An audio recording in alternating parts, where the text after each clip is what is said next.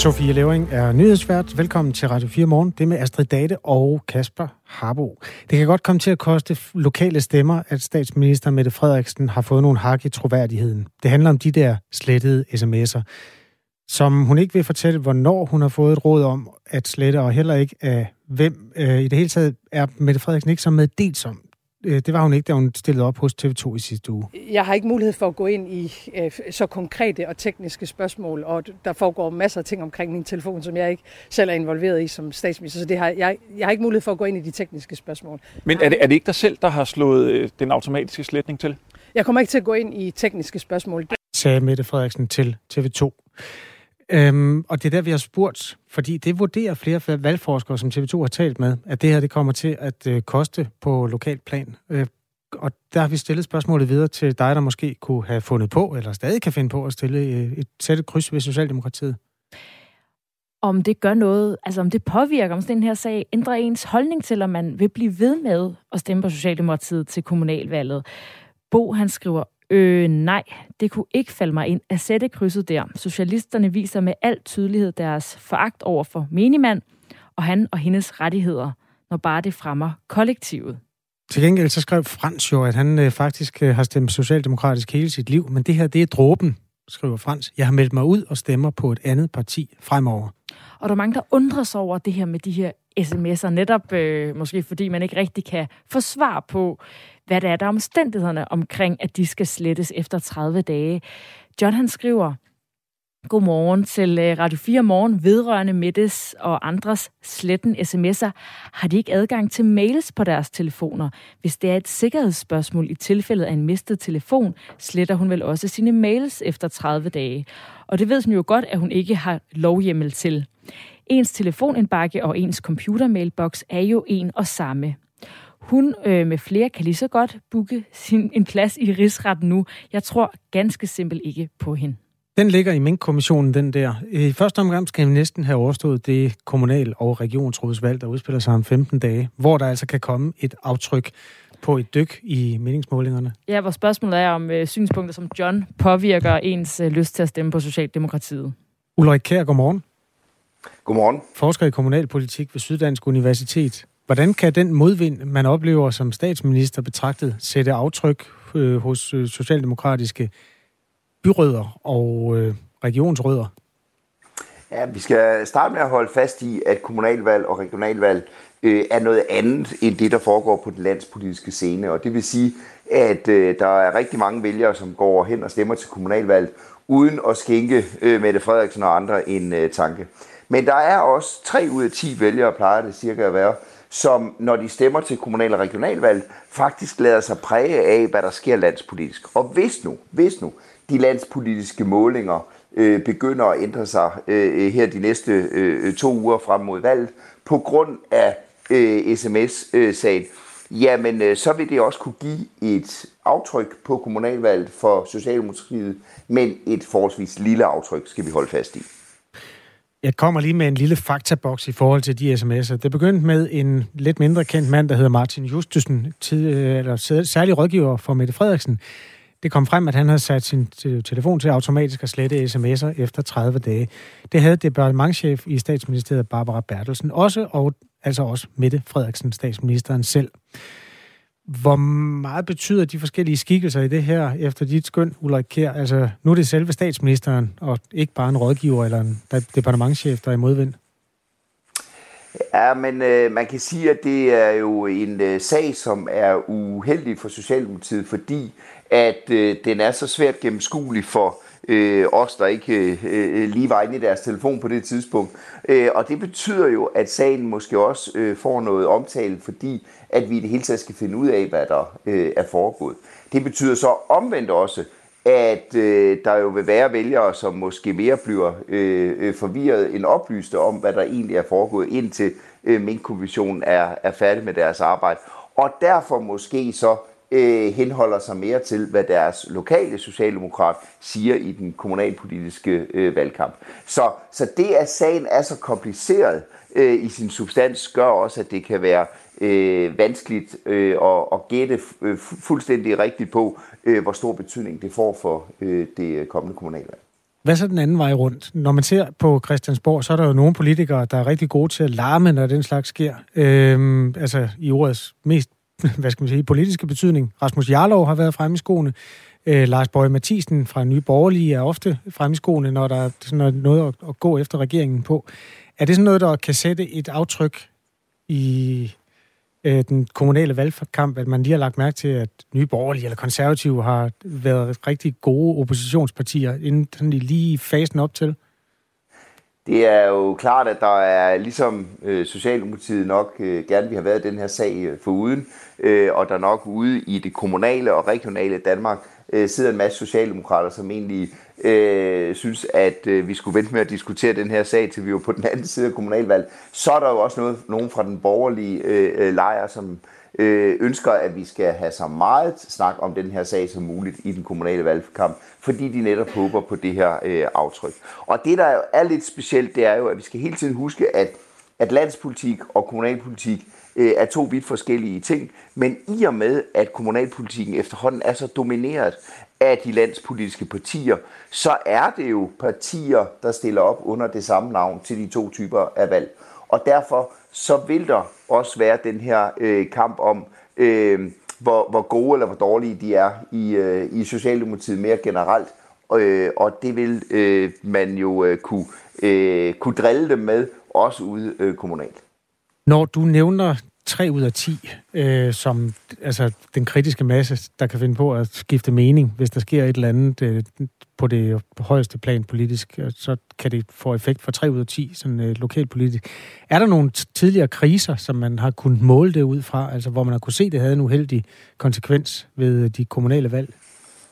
Ja, det er meget, meget svært egentlig at, ind, at gå ind og måle det her, men øh, man kan jo kigge tilbage til til 13-valg, hvor øh, øh Lars Lykke havde sin øh, øh GGGI-sag øh, hængende over hovedet og sin, øh, sin bilagssager.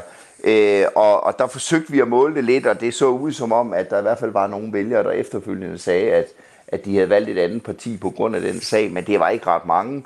Og, og, og vi havde måske også lidt svært ved egentlig at og øh, være sikre på, om, øh, om vi kunne stole på, øh, på de resultater. Så, så det, der vil være vælgere for hvem, og vi hørte jo også øh, nogle eksempler før, der vil være vælgere for hvem, at øh, det her får betydning, men der vil også være rigtig mange vælgere, som jo netop øh, stemmer på den socialdemokratiske borgmester i deres øh, øh, øh kommune igen, igen, eller måske netop ikke stemmer Socialdemokratiet øh, den her gang, men heller aldrig nogensinde har gjort det. Så, så der, der er altså en stor bund af vælgere, for, øh, for hvem det vigtigste det er, hvad der foregår ude i deres kommune, i deres lokale valgkamp, og ikke mindst, hvad deres øh, lokale socialdemokrater siger og gør, mm. mere end hvad Mette Frederiksen siger og gør. Hvilke kommuner er du mest interesseret i, Ulrik Kær? Du, det er jo juleaften for dig her om 15 dage. Vi ved jo, at det, du, du er rigtig god til at spotte de dramaer, der er. Det, hvis det er få stemmer, der kan være afgørende, så er det vel, der er jo nogle steder, hvor, hvor det rent faktisk kan vippe magten. Hvor retter du blikket hen i relation til det, vi lige har talt om her? Ja, jeg tænker jo meget på, at øh, i hvert fald som det ser ud lige nu, så øh, selvom Socialdemokratiet måske har mistet lidt af, af, af den fremgang, de stod til, så er det jo stadigvæk en lille fremgang, de står til. Og derfor så er de, de vigtige kommuner at lægge mærke til i forhold til den her sms-sag, det er måske de kommuner, hvor øh, Socialdemokratiet har gået nu i nogle måneder og regnet med, at øh, fordi det var lidt på vippen sidste gang, så har de måske regnet med, at den der øh, hjælp fra øh, Christiansborg, den der landspolitiske valgvind, den der mætteeffekt, den positive af dem, øh, kunne hjælpe dem til magten. Og det er kommuner som, som Vejle og Esbjerg, øh, Glostrup, øh, Frederiksberg. Øh, og, og der kan det godt være i de kommuner, at der nu sidder nogle socialdemokrater og, og tænker, øh, øh, det vil godt nok være ærgerligt, hvis, hvis den hjælp den, den udbliver, fordi at øh, den socialdemokratiske fremgang øh, landspolitisk måske bliver mindre, end vi havde regnet med, på grund af den her sag. Så det er sådan nogle kommuner, jeg sidder og holder øje med. Tak for analysen, Ulrik Kær. Velbekomme. Forsker, professor i kommunalpolitik ved Syddansk Universitet. Det er altså et godt sms-emne, det her, og vi tager gerne imod post fra folk, der gør sig overvejelser i kølvandet på det her mink halløj om man sådan rent politisk skulle lade det aftryk slå igennem, når man skal sætte kryds den 16. november. Det gør øh, Tine fra Hirtshal blandt andet. Hun skriver, jeg har i hele mit liv stemt rødt, men det kommer aldrig til at ske igen. Okay, det er en meget kategorisk øh, melding der. Tak for den. Skriv til 1424. Start beskeden med R4 og et mellemrum. Lige nu, der diskuterer landene ved COP26 i Glasgow, hvordan man kan nedbringe CO2-udledningen. Samtidig så øh, står vi i en situation med voldsomt stigende energipriser, og på trods af det, så går der helt enorme mængder af grøn energi til spilde, fordi overskudsvarme fra landets datacentre herhjemme ikke bliver udnyttet. De producerer nemlig energi og varme nok til at kunne opvarme flere danske byer og 10.000 vis af husstande. Men det bliver altså ikke brugt. Energien bliver kun udnyttet i 6 ud af landets 64 datacentre. Det viser en optælling, som datacentrenes brancheforening, Datacenter Industrien, står bag. Og nu har vi øh, simpelthen fået en gæst i studiet, Søren Ege Rasmussen. Godmorgen. Du er klima- og energiordfører for Enhedslisten. Hvad tænker du, når du hører, at det kun er 6 ud af landets 64 datacentre, der bruger den overskudsvarme, de har, som ellers kunne opvarme hele byer, hvis øh, vi udnyttede det? Jamen, det er for dårligt, øh, og der har lige fra starten af ikke været den planlægning med, at man skulle have spildvarmen ind i vores fjernvarmesystemer. Man har kigget på sådan et øh, overordnet kort og set, hvor er den bedste strømforsyning i Danmark. Og det er jo derfor, at der er kommet til at være et datacenter ude på en mark øh, ved Viborg, 15 km fra, fra Viborg, og dermed øh, langt fra deres fjernvarmesystem. Så der har været dårlig planlægning lige fra starten af. Øh, fra statslig side har man forsøgt at tiltrække de her datacenter af en eller anden årsag, fordi det er lidt mærkeligt, fordi der er meget lidt arbejdspladser i det. Det er jo bare nogle store industrihaller, hvor der står en masse server og brummer. Øh, og så øh, er det jo med til at sikre, at vi kan have vores moderne kommunikation. Og hvad, hvad kan du gøre for at komme efter den øh, dårlige planlægning, der ellers har ligget?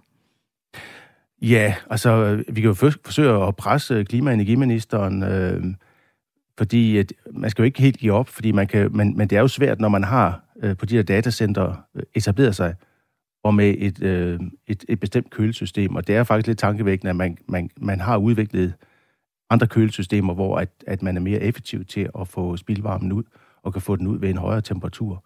Så det er rigtig ærgerligt, at det ikke fra starten af har været, været planlagt langt bedre. Ja, der er, fornem, der er nemlig øh, altså der er flere forhindringer for, at de her datacentre de ikke kan, kan, vi ikke kan bruge deres overskudsvarme. Nu, bare lige for at komme ind på dem også her, ikke? fordi de vil gerne, datacentrene vil gerne levere deres overskudsvarme, og fjernvarmeværkerne, de vil gerne bruge den. Men øh, det, der står i vejen, det er altså øh, for det første, at overskudsenergien ikke udnyttes. Det er, at de øh, er simpelthen er placeret for langt væk. Altså datacenterne, som du siger, så ligger mm. det på en mark i Viborg. Det ligger simpelthen for langt væk fra fjernvarmeanlæggene. Og det skaber en udfordring i forhold til at koble overskudsvarmen til et fjernvarmeanlæg.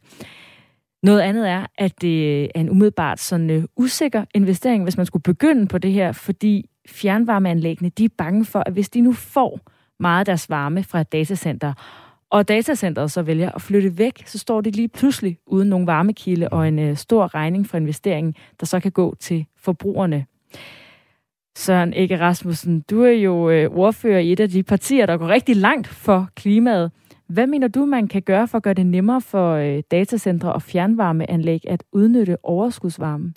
Jamen, vi har justeret på reglerne, så det er, hvad skal man sige, skulle være, blive mere attraktivt, men den der risiko, der er, Altså, den skal vi jo ikke bare øh, læse over på fjernvarmeforbrugerne.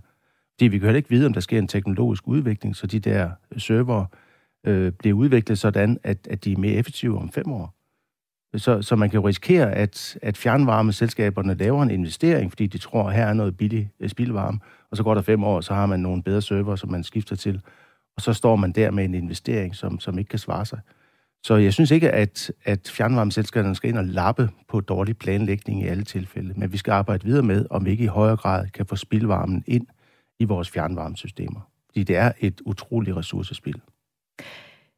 Vi har talt med øh, Jesper Kok, der er analysechef i Tænketanken Grøn Energi ved Dansk Fjernvarme, og han siger, at øh, fjernvarmeværkerne de ville kunne udnytte overskudsvarme fra datacentrene, hvis politikerne hjalp med at investere i fjernvarmerør, der hvor afstanden er stor. Han mener altså også, at de skal have hjælp til de her investeringer. Ja, men hvorfor, hvorfor er det lige øh, staten, der skal gå ind?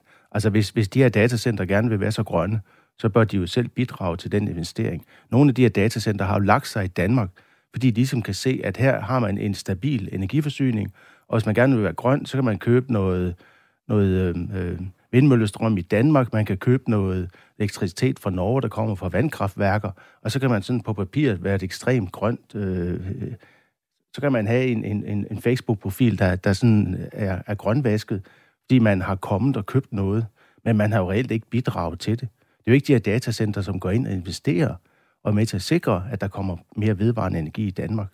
Klimarådet har tidligere været ude og kritisere, at at øh, problemerne omkring de her datacenter sagde, at vi skulle have to kæmpe store havvindmølleparker, bare for at dække det energiforbrug, som, som de her datacenter har i Danmark. Og det er jo sådan set investeringer, som forbrugerne er med til at betale, og skatteyderne er med til at betale, uden at de der store selskaber bidrager med noget. Og så når man så samtidig kan se, at nogle af dem har placeret sig i skattely forskellige steder i verden, så er de jo sådan set bare nogle nasserøve, som ikke bidrager til den grønne omstilling. Altså, så, så det er sådan set ikke os i Folketinget, som skal gå ind og tage en risiko for fjernvarmeselskaberne. Det er sådan set de selskaber, der gerne vil være grønne, som skal bidrage.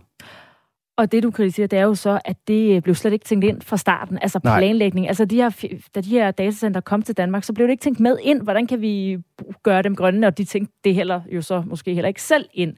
Så spørgsmålet er jo så, hvad så nu, hvor de ligger langt væk? Altså, hvad kan man så gøre for, at det her øh, overskudsvarme ikke går til spilde? Og der foreslår Jesper Kok, analysechefen i øh, Grøn Energi Tænketanken og ved øh, Dansk Fjernvarme, at øh, man oprettede en øh, garantifond, der sikrede, at øh, hvis datacenteret så en dag valgte at flytte, altså står fjernvarmeværket ikke med en regning, som skal tørres af på forbrugerne. Og det kræver altså en garantifond fra politisk side. Prøv at lytte, hvad han øh, siger engang her. Det, der så skal til, jamen det er jo, øh, det er jo man kan sige, to ting. Det ene, det, er jo, det kunne være det der med at, at, at noget hjælp til at støtte til, øh, til sådan nogle, nogle det der lange tracé, fjernvarmerør. Alternativt, eller i en kombination kunne også være kan man sige, en eller anden form for øh, garantifond. Ja, ja. Søren ikke Rasmussen, du står jo fra politisk side. Vil du være med til at oprette en garantifond, der sikrer fjernvarmeværkerne, hvis de nu laver den investering, der skal til for at udnytte overskudsvarme, men så er de sikre på, at hvis datacenter så ikke lige pludselig flytter, at de så ikke hænger på regningen? Ja, hvis det er datacentrene, som selv bidrager med den væsentligste bidrag til den, til den, øh, til den garantiordning, så kan jeg godt se noget fornuftigt i det. Men jeg lytter mig jo til, at det åbenbart kun er staten, der, og dermed Folketinget, der skal ind og, og, og garantere, gå ind og lappe på, at der er blevet lavet noget, noget dårlig planlægning. Så, så det synes jeg ikke er, er den, den rigtige idé, medmindre det er datacentrene, der løfter det største bidrag. Du savner lidt, øh, at de kommer på banen, og dem har vi faktisk også talt med, fordi Dansk Datacenter Industri, der altså er brancheorganisationen for datacentrene, de vil rigtig gerne være med til at gøre noget ved det her problem. Vi har talt med formand Thomas Voller.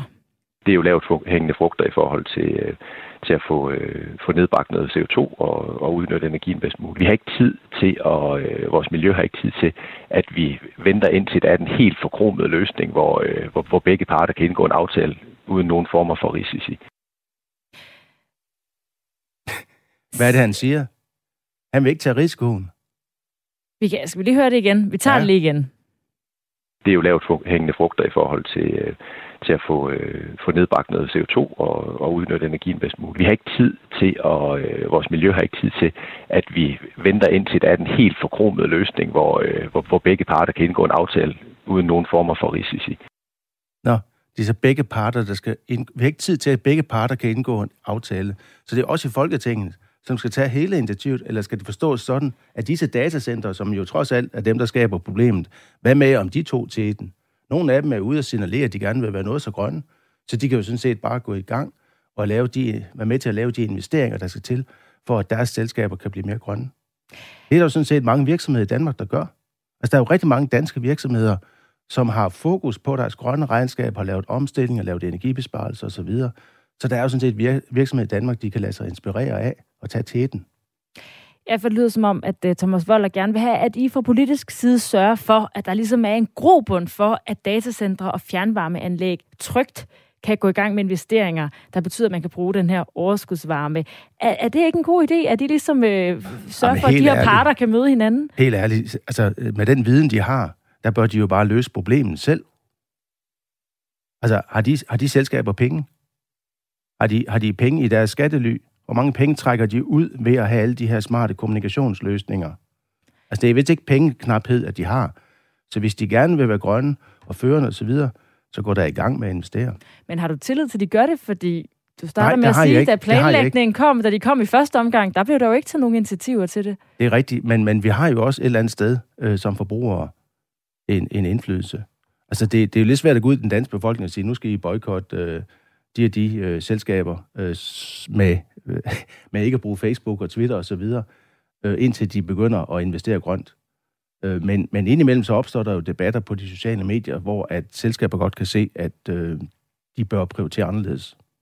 Så herfra fra enhedslistens side en opfordring til, hvis man virkelig øh, vil øh, gå ind og lave bedre øh, løsninger øh, miljømæssigt øh, omkring spildvarme for, for de der datacenter, så kan de sådan set bare gå i gang i morgen. Så det er altså det, er det, I kommer med fra enhedslisten for at sikre, at den her overskudsvarme ikke går til spilde. Det er en opfordring. Ja, det er det helt klart, fordi de har jo viden, og de siger jo, de der lavt hændende frugter, jamen så kom der i gang. Og hvad hvis de så ikke gør det? Ja, så har vi et, et problem med de datacenter, og, og det er sådan lidt grotesk, fordi det er sådan set, der er sådan set et kontor i Udenrigsministeriet, der er med til at tiltrække de her selskaber til Danmark, fordi man synes, det var, var godt. Men, men der er ret få øh, arbejdspladser i det. Øh, der er nok noget præcis i, at, at, de, at de ligger i Danmark, men øh, det er jo ikke fordi, at det sådan er et must, at, at de selskaber skal ligge i Danmark. Ifølge en rapport fra Energistyrelsen, så vil datacentrenes forbrug af el være nidoblet i 2030, og dermed der vil det altså også øh, øge produktionen af overskudsvarme. Altså, ja. hvad, vil, hvad vil du gøre for, øh, altså, der er selvfølgelig en opfordring, hvis de nu ikke lytter, altså, hvad vil du gøre for at sikre, at den her energi ikke bliver til spildt, altså spild energi fremover? Jamen, det er jo nogle gange lidt svært at lave øh, regler med tilbagevirkende kraft, øh, øh, som vi kan nok i højere grad stille krav til, øh, til de næste virksomheder, som har en plan om at lave datacenter øh, i Danmark. Øh, men jeg vil meget gerne arbejde for, at vi kommer frem til, at, at vi ikke har så meget spildvarme øh, fra datacenter. Og bare sådan he- helt sidst, altså, hvad vil, hvad vil du konkret gøre? Altså, hvis de ikke gør noget, fjernvarmeanlæggene, datacentrene, Jamen, vi kommer jo med en CO2-afgift. Så der kommer jo en CO2-afgift på, på el, øh, som også vil, vil være med til at øh, hvad skal man sige, gøre, at energibesparelser øh, er gode. Så synes jeg, der er nogle øh, teknologiske løsninger, hvor man øh, sådan set godt kan køle øh, de her datacenter med, med en vandløsning. Den er sådan set udviklet i Danmark. Øh, jeg vil gerne arbejde for, at, at den bliver mere udbredt. Jeg ved ikke lige, hvilket øh, konkret ændring, der skal til for at fremme det. Men når nu der er teknologi, der er bedre end det, man bruger nu, så burde det være det, man valgte i stedet for. Tusind tak, Søren Ikke Selv tak. Rasmussen, fordi at, øh, du kom ind til os her i studiet. Du er klima- klima- og energiordfører for Enhedslisten. Klokken den er to minutter i halv otte. Du hører Radio 4 morgen. Tidligere på morgenen har vi belyst noget, som måske kommer til at ske om 15 dage, nemlig at øh, de der lidt øh, små eller store skrammer, som øh, Socialdemokratiets top har fået i troværdigheden i forbindelse med Mink-kommissionen og alle de forsvundne sms'er, kan få en effekt ved det forestående kommunalvalg. En af dem, der er stemplet ind, det er Tine fra Hirtals. Godmorgen. Godmorgen. Hvorfor tror du, det bliver vigtigt for dig, når du skal stemme på lokalt i... Er det Jørgen Kommune, du hører til så? Ja, det er nemlig så. Hvilken, hvordan hænger de to ting sammen? Jamen, det hænger sammen med, at øh, jeg synes simpelthen, at folk de bliver ikke hørt. Altså, det er ikke blevet hørt i, i den røde regering. Altså, jeg synes simpelthen, det er at tage pis på folk, når det er sådan, de begynder at lukke nogle erhverv ned. Når det er sådan, de ikke har lovhjemmel til det, og der er ikke nogen, der bliver hørt i det. Det hele bliver kørt over hovedet på folk, og jeg synes simpelthen, det er, ja, det er en rigtig trist udvikling. Og nu er jeg også meget imod rewilding og sådan noget, og vandrygt og dyrbare hegn og sådan noget. Jeg kan simpelthen ikke, jeg kan slet ikke se mig selv stemme rødt mere. Altså overhovedet. Har du gjort det hele dit liv? Ja, det har jeg. Men øh, det, det er også slut nu. For jeg, jeg synes simpelthen, der, de, de, de, kører deres eget show. Og det, det kan jeg ikke være en del af. Det var en lille øh, løftet pegefinger til de øh, navne, der står ud for liste A ved det forestående valg. Tak fordi du lige øh, ville uddybe din sms hos os, Tine. Velbekomme og fortsat god dag. Tak i lige måde. SMS'en var kommet til 1424, og vi har simpelthen spurgt dig, der har sådan en liste A i, i nærheden af hjertet, om det påvirker dig, det der foregår i øjeblikket, og din stemme om 15 dage ved de lokale valg. Noget, der ikke er påvirket, det er i hvert fald nyhederne, som er klar her. Klokken er halv otte.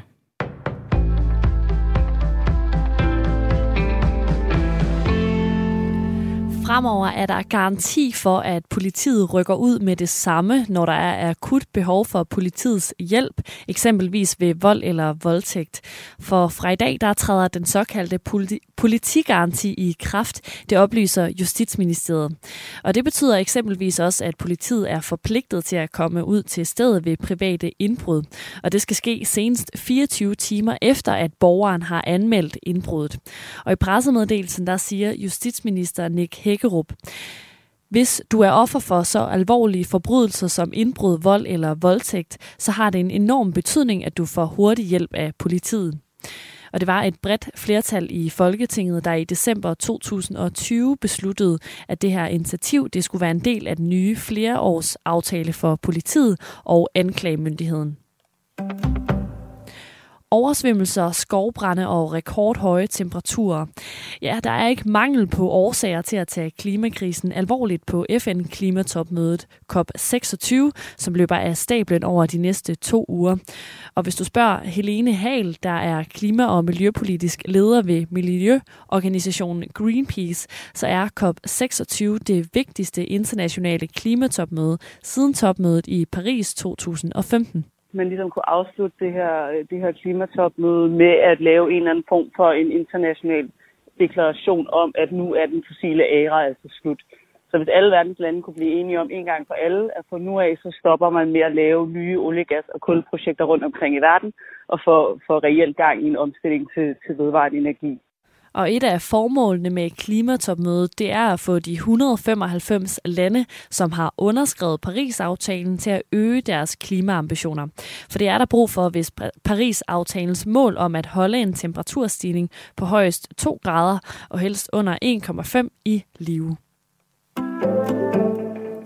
I et klasselokale så kan der være tung luft, larm og dårligt lys, og nu skal 30.000 elever landet over undersøge, hvordan dårligt indeklima påvirker deres koncentration. Det siger Lene Christensen, der er programleder for Masseeksperiment 2021 og specialkonsulent hos det Nationale Naturfagscenter Astra. Og der fik vi desværre nogle ret dårlige tal for CO2, altså for luftkvalitet. Øh, og det var ikke blevet bedre fra 9 til 14, så vi har brug for at kigge på det igen. Og det var ikke det klip, jeg skulle have spillet, for det hun sagde her, det var, at de også i 2009 og 2014 havde en undersøgelse med navn Masseeksperiment, hvor altså indeklimaet også blev undersøgt. Og det er flere end 1200 klasser fra både folkeskoler og gymnasier er med i undersøgelsen, som altså har fået navnet Masseeksperiment 2021. Og så har vi også brug for det, fordi at vi ved, at der stadig er mange elever derude, som klager over øh, forskellige trivselsproblemer og som måske er relateret til indeklimaet. Og den data, som eleverne de selv indsamler ved undersøgelserne, det skal analyseres af forskere fra DTU, og man regner med, at resultaterne fra dette års eksperiment det er klar til februar. Kinas strategi om at gribe ind ved de mindste tegn på smitteudbrud har ført til en midlertidig lukning af Disneyland i Shanghai. Og i dette tilfælde så var det på grund af et enkelt tilfælde af coronasmitte. En kvinde blev nemlig testet positiv, da hun vendte tilbage til sin provins efter at have besøgt forlystelsesparken. Først på dagen vil der være regn i den østlige del, og ellers så måske lidt eller nogen sol mellem 10 og 13 grader. Det var nyhederne med Sofie Levering.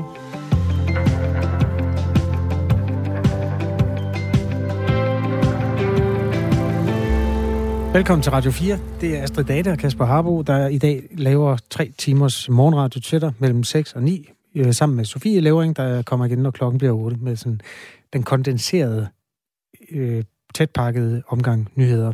Vi går lidt mere i dybden med nogle af historierne, blandt andet om ja, øh, sommertid, vintertid. Dit ur, det står jo på ja, normaltid, hedder det i øvrigt. Nu. Og det er der mange, der godt kunne drømme om, det bliver stående på. Det gør det ikke. Lang historie. Om lidt. Først der skal vi øh, snakke om noget, vi nok kommer til at snakke, høre meget om øh, de næste to uger, fordi at øh, COP26 er jo skudt i gang. Klimaet, det står øh, øverst på dagsordenen, og det er i den øh, skotske by Glasgow, fordi det er jo så FN's klimakonference, der hedder COP26, som er begyndt. Og her der mødes stats- og regeringsledere fra hele verden for at lave aftaler, der altså kan begrænse den globale opvarmning. Og nu fik øh, Kasper Harbo jo kaldt kommunalvalget den 16. november for valgforskernes juleaften. Og så er spørgsmålet, Jesper Tejlgaard, forfatter og klimaekspert, om det også er en særlig højtid for dig, de her COP-møder? Det er i hvert fald en meget interessant tid øh, for at se, om øh, de kan komme lidt videre i bestræbelserne på det store, øh, den store opgave at få begrænset opvarmningen. Ja, og hvor, meget videre skal de? Fordi øh, COP26 er jo i virkeligheden længe ventet. Det er blevet udsat på grund af coronapandemien. Jamen altså, det er jo, øh, formålet er jo at forbedre Paris-aftalen. Øh, det er jo sådan set den, øh, man har arbejdet efter øh, indtil nu. Øh, Øh, og de data, der ligger, og de øh, målsætninger, der var på øh, i, i Paris, øh, var jo øh, ikke gode nok. De ville medføre en temperaturstigning på et sted mellem 3 og 3,5 grader. Øh, og det var alle sådan set enige om, at øh, det, det er for meget. Øh, så en af med den her øh, mekanisme, at man øh, ved femte år, så skulle man så mødes og komme med nye reduktionsmål. Og det er så faktisk i år. Ja, det skulle have været sidste år, men øh, det er jo så blevet udskudt til i år. Så et formål med den her, det her møde i år, det er simpelthen at komme med nogle nye redaktionsmål. Men, ja. men, men hvordan går det? Altså en ting er at snakke om, hvad man gerne vil, men, men hvad i forhold til at snakke om, hvad det er, der man gør, og det man har gjort? Ja, der slår du faktisk lige hovedet på sømmet, fordi vi øh, har jo hørt en masse, masse ord. Øh, senest jo øh, i går fra G20-mødet i Rom, øh, hvor det også var med, med masser af fine ord om, at øh, nu øh, skal vi i gang, og nu skal vi det, og nu skal vi det. Men øh, det, det, det kniber øh, sådan lidt med at komme med de, øh, de, de, de rigtig store og, og dybe målsætninger. Og ikke mindst, og, og det er jo vigtigt, det er jo nok det vigtigste, altså handlinger. Det er jo handlinger, det handler om i den sidste ende. Øh, og det, man kan være nervøs for, det er jo, at øh, øh den her, øh, det her kopmøde igen altså kommer med en masse fine ord, men øh, det kommer til at knibe med, mål, øh, med, med de reelle hand, øh, handlinger. Øh, og det vil vi først se, øh, når vi kommer frem til måske næste år og, de, og de kommende år, hvad landene rent faktisk gør. Så hvis vi for nu lige skal starte med bare at dykke lidt ned i, i nogle af ordene, så er det sådan, at flere af de store lande plejer at varme op til klimakonferencerne ved at komme med forslag til at nedbringe CO2-udledningen. Hvilke mm. udmeldinger har du sådan øh, bidt særligt mærke i i år? Jamen, der har selvfølgelig været fra de, fra de store lande, og det er jo, øh, det er jo vigtigt at holde, at holde fast i dem. Altså, øh, Biden har selvfølgelig kommet med nogle lidt stærkere udmeldinger med en større reduktionsmål frem til 2030. Men det er heller ikke godt nok. Altså en halvering i forhold til 2005 er stadigvæk ikke godt nok. Kina, som jo er verdens største udleder totalt set, altså på, på national plan, Øh, de vil jo stadigvæk øge deres udledninger øh, frem mod sidste 20'erne, og så først der begynder at, øh, at slække på det. Øh, og det er, jo, øh, det er jo den kamp, der, der, der står faktisk mellem de i-landene og u-landene, at øh, u-landene synes jo stadigvæk, at øh, de godt må øge deres udledninger, fordi øh, de øh, har jo ikke rigtig været med i, i, i festen, om man så må sige, undervejs. Så, så, og det er jo også en kamp, der kommer til at stå øh, i, i Glasgow. Men øh, altså EU har jo et, øh, en målsætning, der er øget fra, ja, det hedder så fra 40 til 55 procent i forhold til 1990.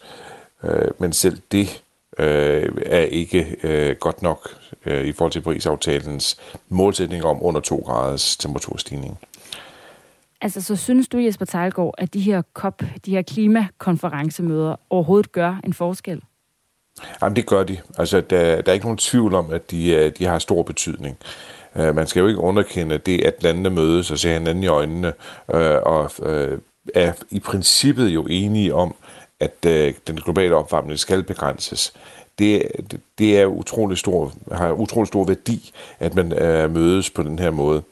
Øh, at øh, udkommet øh, så er øh, lidt mere langsomligt, end man kunne ønske sig.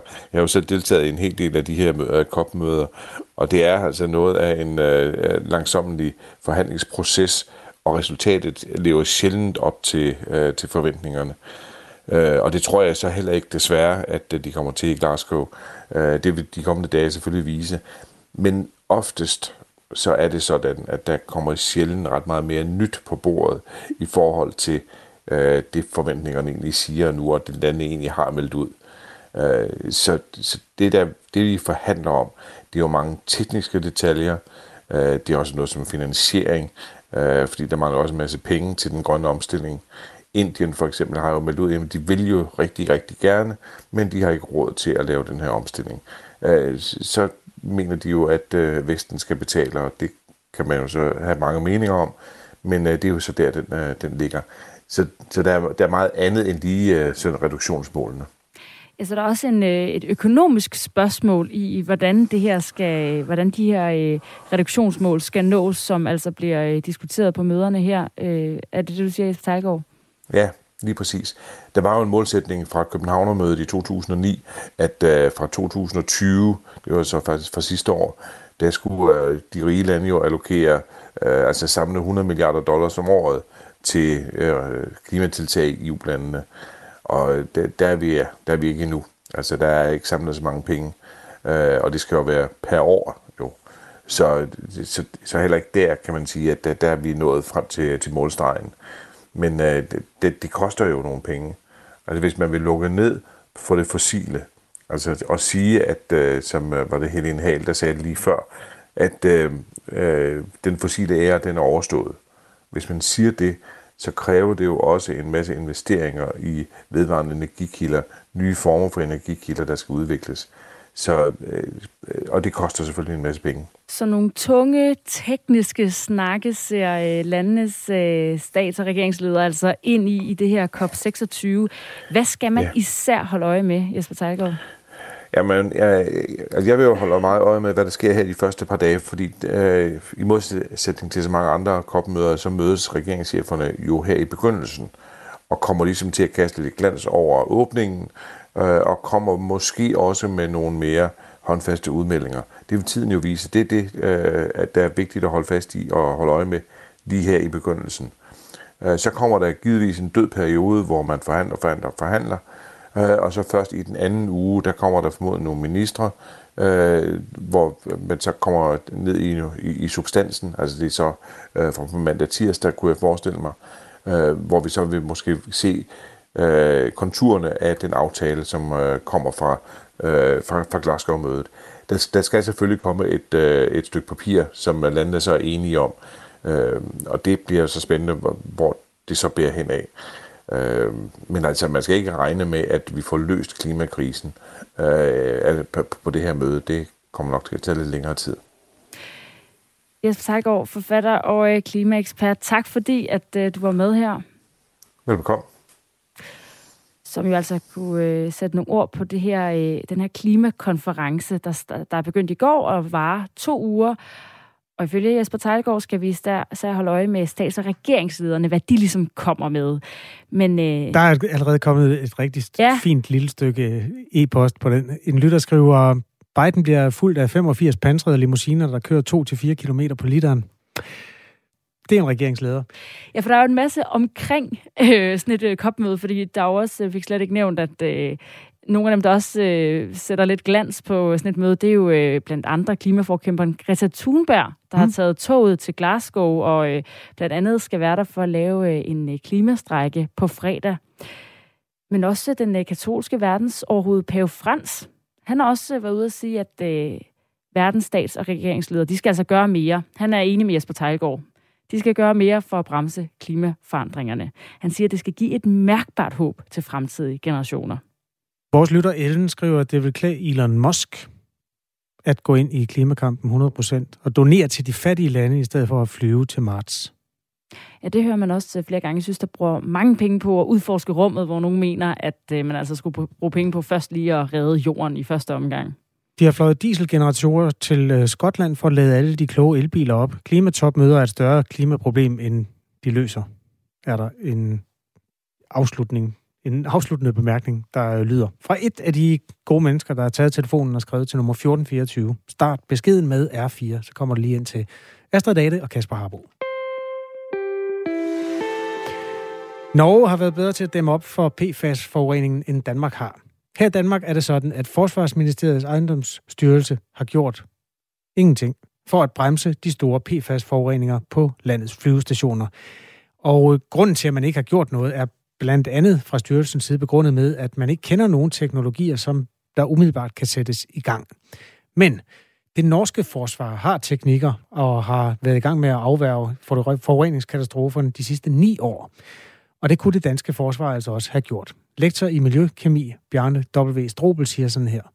Altså, Forsvarsstyrelsen har jo øh, lavet en flot, stor og grundig rapport og undersøgt rigtig meget i en årrække omkring, hvordan øh, spredningen af de her PFAS og PFOS-stofferne, de er, øh, de er kommet. Så, så det er grundlaget for at vide, hvor stofferne er, hvilke koncentrationer, hvor langt det har bredt sig fra væk fra selve brandskolen eller brandøvelsesområdet. Det er jo, der er et flot vidensgrundlag, som er fuldstændig parallelt til det, som øh, den norske forsvarsbyg har foretaget. Så det der vidensgrundlag, det er jo, den, det er jo nøjagtigt den samme. Og de metoder, de, øh, de ting, der skal iværksættes, det er, jo, øh, det er jo ikke norske eller danske, det er jo internationale metoder og internationalt opererende firmaer, som går i gang med de samme løsninger, de samme tiltag for at stoppe spredningen og for at prøve at begynde at rense op, eller for eksempel grave det væk, som, som de har gjort nogle af stederne i Norge.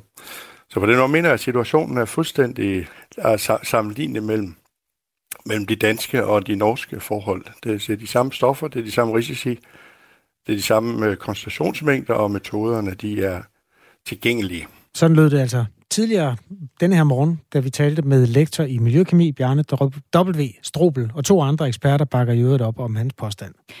Men det er ikke kun på norske flyvestationer, at øh, oprensningerne for giftstofferne PFAS er i fuld gang.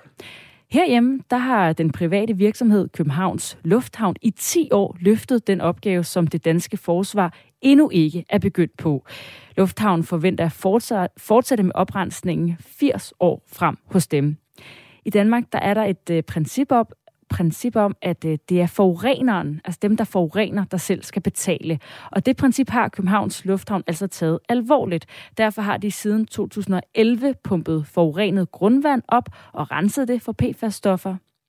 Inger Seberg, hun er Head of Sustainability i Københavns Lufthavn, og hun siger i en skriftlig kommentar til Avisen Danmark og Radio 4, at vi tog de første prøver for PFOS på vores brandøvelsesplads i 2010-2011, og det blev klart for os, at vi har forurening med stoffet i både jord og grundvand under pladsen. Årsagen til, at øh, vi valgte frivilligt øh, at sætte først et akut af, afværgeanlæg op, og efterfølgende et permanent, var, at brandøvelsespladsen ligger relativt tæt på området med indvinding til drikkevand. Vi ville sikre os, at forurening ikke spredte sig til drikkevandsforsyningen. Senere indgik Lufthavnen i et samarbejde med Region Hovedstaden, og i dag driver Lufthavnen afværgeanlægget ved brandøvelsespladsen sammen. Lufthavnen har ifølge estimater omkring 40 kilo PFAS-stoffer liggende i jorden under sin brandøvelsesplads. Og det kommer jo altså fra et, øh, en form for skum, som gennem årtier blev brugt, og som indeholdt de her giftige fluorstoffer. Lufthavnen afværgepumper fra fem boringer. Er det meget teknisk, men det hedder altså afværgepumper for at øh, øh, få renset der. Og man justerer løbende oppumpningen fra de enkelte boringer for at fange så meget forurening i grundvandet som overhovedet muligt. Og samtidig afskærer forureningen fra området mod øh, de drikkevandsindvindinger, der ligger syd for brandøvelsespladsen. Efterfølgende bliver vandet renset i regionens og lufthavnens fælles anlæg ved hjælp af øh, brug af aktivt kul, som binder de giftige stoffer. Og det er så heller ikke kun i Københavns Lufthavn, at man har været i gang med afværgepumperne. Også, øh, vi hørte først om Norge, så har vi hørt om Københavns Lufthavn, men altså også i Sverige har flere private lufthavne været i gang med at afværge for PFAS-stoffer. Siden 2010, der har Svedavia, en statsejet virksomhed med 10 lufthavne, arbejdet med PFAS på deres flyvepladser. Virksomheden de oplyser i en skriftlig kommentar til Radio 4 og Avisen Danmark, at Indtil videre har vi brugt mindre beskyttelsesforanstaltninger gennem kulfilterbehandling af PFAS-forurenede delstrømme af grundvand og regnvand i Malmø Lufthavn, Landvetter Lufthavn, Visby Lufthavn, Stockholm Arlanda Lufthavn og Bromma Stockholm Lufthavn.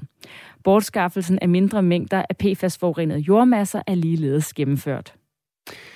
Der har været nogle anklager, kan man sige, eller i hvert fald bebrejdelser over for øh, Forsvarsministeriets ejendomsstyrelse, og det havde været helt betimeligt, at øh, havde fået lov at svare på dem. Og vi har selvfølgelig inviteret til et interview, men fået det svar, at Ejendomsstyrelsen ikke ønsker at stille op til interview i den her omgang. Styrelsen svarer heller ikke på de spørgsmål, vi har sendt med, men vi får øh, det her skriftlige citat. Det er Ejendomsstyrelsens vurdering, at man ikke kan sammenligne en forurening med en anden. Omfanget af forureningen, geologien og forureningstypen er afgørende for, hvor vigtigt det er med akutte tiltag, og for hvilke tekniske muligheder, der er på nuværende tidspunkt, kan gøre en forskel i forhold til den akutte forureningstrussel. Citat slut. Klokken er 10 minutter i 8. Det her er Radio 4 morgen.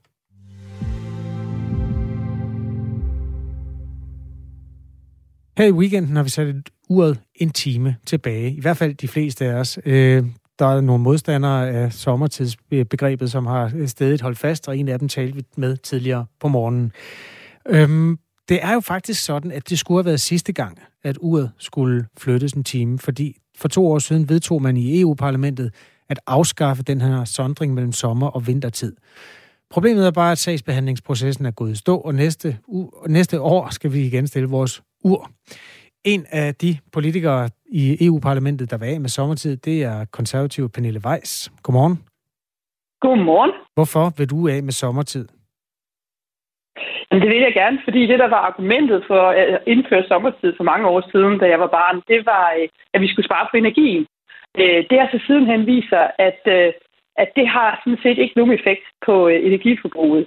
Og så har vi så også undervejs fundet ud af, at det for mange mennesker og også for dyr Øh, er en, øh, en stor udfordring øh, for deres helbred og trivsel, og for nogen sågar også på en, en ret alvorlig måde i forhold til at udvikle øh, depressioner, øh, udvikle øh, endnu sværere øh, hjerteproblemstillinger. Øh, så så der, der er sådan set kun ulemper øh, ved den måde, vi flytter rundt på klokken på øh, i dag i, i EU, og derfor var det så også, at et flertal i Europaparlamentet gjorde stillingen op, at øh, det må vi holde op med. Det har intet mm. godt med sig, øh, så, så lad os holde op med det.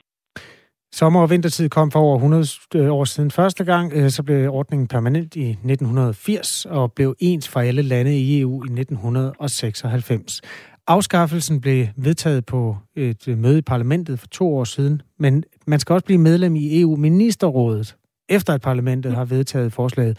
Og her gik det så i hårdknude. Inden du får lov at forholde dig til det, så skal du lige høre et klip med Jørgen Bak, formand for Landsforeningen mod sommertid. Han mener blandt andet, at det må være corona, der har stået i vejen. Det er jo lidt træls, at det gik i stå. Altså, den, den ene grund, det er jo, at lige da de skulle til at behandle det, så kom coronaen, og det kan jeg jo godt forstå. Så blev alle kræfterne kastet ind i, hvordan man nu skulle forholde sig til den her øh, sygdom.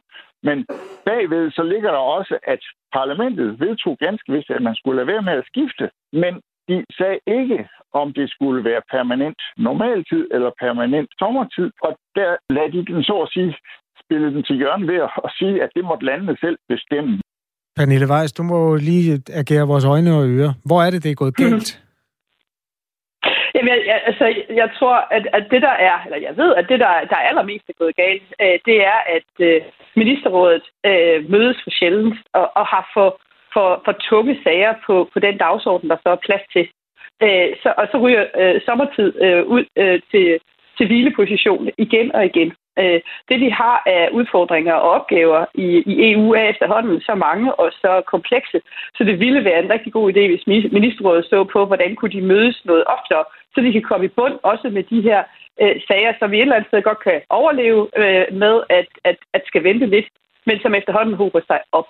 Mm, så det er ikke særlig vigtigt øh, i virkeligheden? Altså, det synes vi jo i øh, Europaparlamentet, det er, men når man måler det op imod en pandemi, så kan vi også godt se, at, at der er måske noget, der lige skal snakkes om først. Okay. Øh, men det duer jo ikke øh, i det lange løb. Pernille Weiss, øh, du har savet godt og grundigt i den gode gamle sommertid. Du kan lige få en sms fra en af vores lyttere, der skriver, sommertid er vigtig for alle, der har et aktivt udendørsliv, for eksempel sejsport. Altså man får simpelthen en time mere med lys, så man kan leve det sunde gode liv udenfor. Ja, det kan godt være, men så giver det jo så også en, en time mere til os, der godt kan lide at, at lege med kunstig belysning og, og sterillys og, og, og, og være i naturens helt øh, øh naturlige rytme. Øh, så, så ja, mm, når der nu går ud over nogle mennesker, som, som har dispositioner for depressioner og hjertesygdomme, når man også har kunnet konstatere, at det i hvert fald inden for nogle dyregrupper er nogle udfordringer, når vi flytter rundt på uret. Når familiernes små børn også oplever, at det giver en voldsom uro omkring ulvetiden. Det, det, det er 5.000 store emner på en gang, Pernille Weiss. Lad os lige tage dem en af gangen. Øh, har, har du nogensinde... Øh, altså, hvad, hvad sammenligner du med, når du snakker om de der depressioner, for eksempel? Altså, Danmark har jo haft sommertid siden 1980. Hvordan kan man vide, hvordan mm. det var gået, hvis vi ikke havde haft sommertid? Jamen det er så det, hvor, hvor, øh, hvor mennesker med forstand på depressioner og på årstids udsving øh, har, har forholdt sig til det, og, og blandt andet øh, øh, givet os øh, informationer og viden om, at der kan være en sammenhæng med, øh, at vi flytter rundt på klokken, øh, og så det, at, at mennesker med, med, med disposition for depressioner får det værre på de tidspunkter. På samme måde også med mennesker med, med hjerteudfordringer, øh, at, at det kan også give dem øh, nogle unødvendige øh, gener øh, i overgangen fra den ene tid til den anden tid. Det og så er der den tredje... Ja, undskyld. undskyld. Nej, du ja, kom med den og så er der den tredje kategori, som er, er småbørnsfamilierne, øh, som også kommer til at rode rundt med urolige børn, øh, der skal til at forholde sig til en, en anden rytme, end den, der i virkeligheden for dem er blevet den naturlige. Kan, du, kan du huske, hvad det er øh, med hjerteproblemerne helt præcist, øh, at sommertiden sætter i gang af problemer, altså yderligere problemer? Nu er det to år siden, vi sad og kiggede på alt materiale, men det jeg husker, det er, at at det var især i forhold til udvikling af, af, af hjerteanfald. Øh, at, at der, eksperterne øh, diskuterer, hvorvidt der er en, en sammenhæng imellem, øh, når vi flytter på klokken, og så det, at, at mennesker med dårlige hjerter øh, har en højere risiko for at få et hjerteanfald lige netop i den øh, periode. Okay. Øh, og der har vi jo så et forsigtighedsprincip i, i EU i forhold til folks sundhed. Hvis der bare er en, en mistanke øh, om, at, at det her ikke er godt for mennesker, så, så lader vi tvivlen komme mennesker til gode i virkeligheden. Og så er der alt det andet med, at, at energibesparelsen, den opnår vi ikke. Så man kan sige, der er sådan set ikke nogen fordele ved at flytte rundt på, øh, på klokken mere, og derfor skal vi naturligvis holde op med det. Det blev besluttet i 2019 i parlamentet. Tror du nogensinde, det bliver gennemført? Ja, det tror jeg. Altså, fordi det er jo sådan en mærkbar måde, at, at, at vi som borgere i øh, EU finder ud af, at, øh, at man over i rådet øh, har nogle lange dagsordner, og at man må finde ud af at, at arbejde Hvornår? mere effektivt. Hvornår? Ja, vi, vi, vedtog det i 2019. Inden 2029. Kan du love det? Ja. Tør du love det? Inden det bliver... Altså, inden jeg tør tro på det. Lad os sige det på den måde. Øh, og jeg arbejder hårdt på, at, at det kunne øh, lade sig gøre. Øh, der er rigtig meget, ministerrådet burde øh, forholde sig til meget hurtigere, også sommertid. Så lad os øh, krydse fingre for, at de øh, også selv kan se, at det vil være en rigtig god idé, hvis vi skal synes, der er en fornuft med øh, samarbejdet i, øh, i EU. God dag, Pernille Weiss. Tak, fordi du var med. Ja, men selvfølgelig også til jer. Hej. Hej. Medlem af Europaparlamentet for de konservative, og øhm, i øvrigt ring til Radio 4, som er det program, der kommer efter Radio 4 morgen. Det er mellem klokken 9 og klokken 10. Øh, det er sådan et debatprogram, og der er debatemnet hos Ida Sofie Sellerup, som end om sommertid, vintertid skal leve videre. Med masser af belysning. Ja, Rune spørger, er det sommertid eller vintertid, der skal så leve videre? Og det er så vintertid. Ja, for så det, det, vi går ind i nu, der skal fortsætte. Der er ikke noget, der hedder vintertid. Det hedder normaltid. Rune ja. ja. ja. Sommertid eller normaltid? Mm. Jamen, øh, smukt nok. Harbo. Ja. Kickflipper du vildt? Kickflipper vildt! Kickflipper snilt! Kickflipper Ja. Ham kender jeg godt. er du en, der skater? Er du en skaterboy? Skater? Nej, jeg, gud, da. jeg er lige blevet 50, for jeg tænker på. Hvorfor? Jamen, øh, for ellers så skulle du smide nogle knæppeskytter og en hjelm på, fordi så skal du ud og besøge et nyt anlæg, der sætter Danmark på verdenskortet. Nå, ja. Jo, skater du? Nej, men jeg har øh, simpelthen øh, haft kontor lige foran en skaterbane nede på øh, Godsbanen i Aarhus, så jeg simpelthen, øh, jeg simpelthen jeg synes, jeg har, jeg har, jeg har virkelig set meget. Mm. Og der er det jo nogle meget, øh, hvad kan man sige, de her, de der altså sådan nogle runde, man kender godt sådan skater, rampe, ikke? Sådan nogle øh, huller, eller hvad hedder sådan nogle Ja, buer, buer halfpipe, halfpipe bananer. Og, ja. Men nu er det altså verdens længste skaterbane. I Danmark? Som åbnede lige her i Danmark. Nej. Ja, det skriver DR. Og du skal altså vende brættet mod den københavnske forstad Høje Tostrup, hvis du godt kunne tænke dig at besøge den nye bane. Den går fra det, der hedder Station 2, det er et center, til øh, Høje Tostrups togstation, og altså lige omkring en kilometer lang. Og det er jo lidt specielt, fordi det her med, at den skal være lang, er ikke normalt en egenskab. Altså for de her øh, ramper og buer og øh, halfpipes, hvor det ligesom foregår som nogle pools, man kører rundt i. Men det er fordi, at den her skaterbane også har en anden funktion. Udover at være øh, underlag for kickflips og heelflips, så er det også en, øh, et opsamlingsanlæg for vandmasserne, når der for eksempel er skybrud. Uh la la. Klima og skateboard. Du lytter til Radio 4 morgen klokken er 8.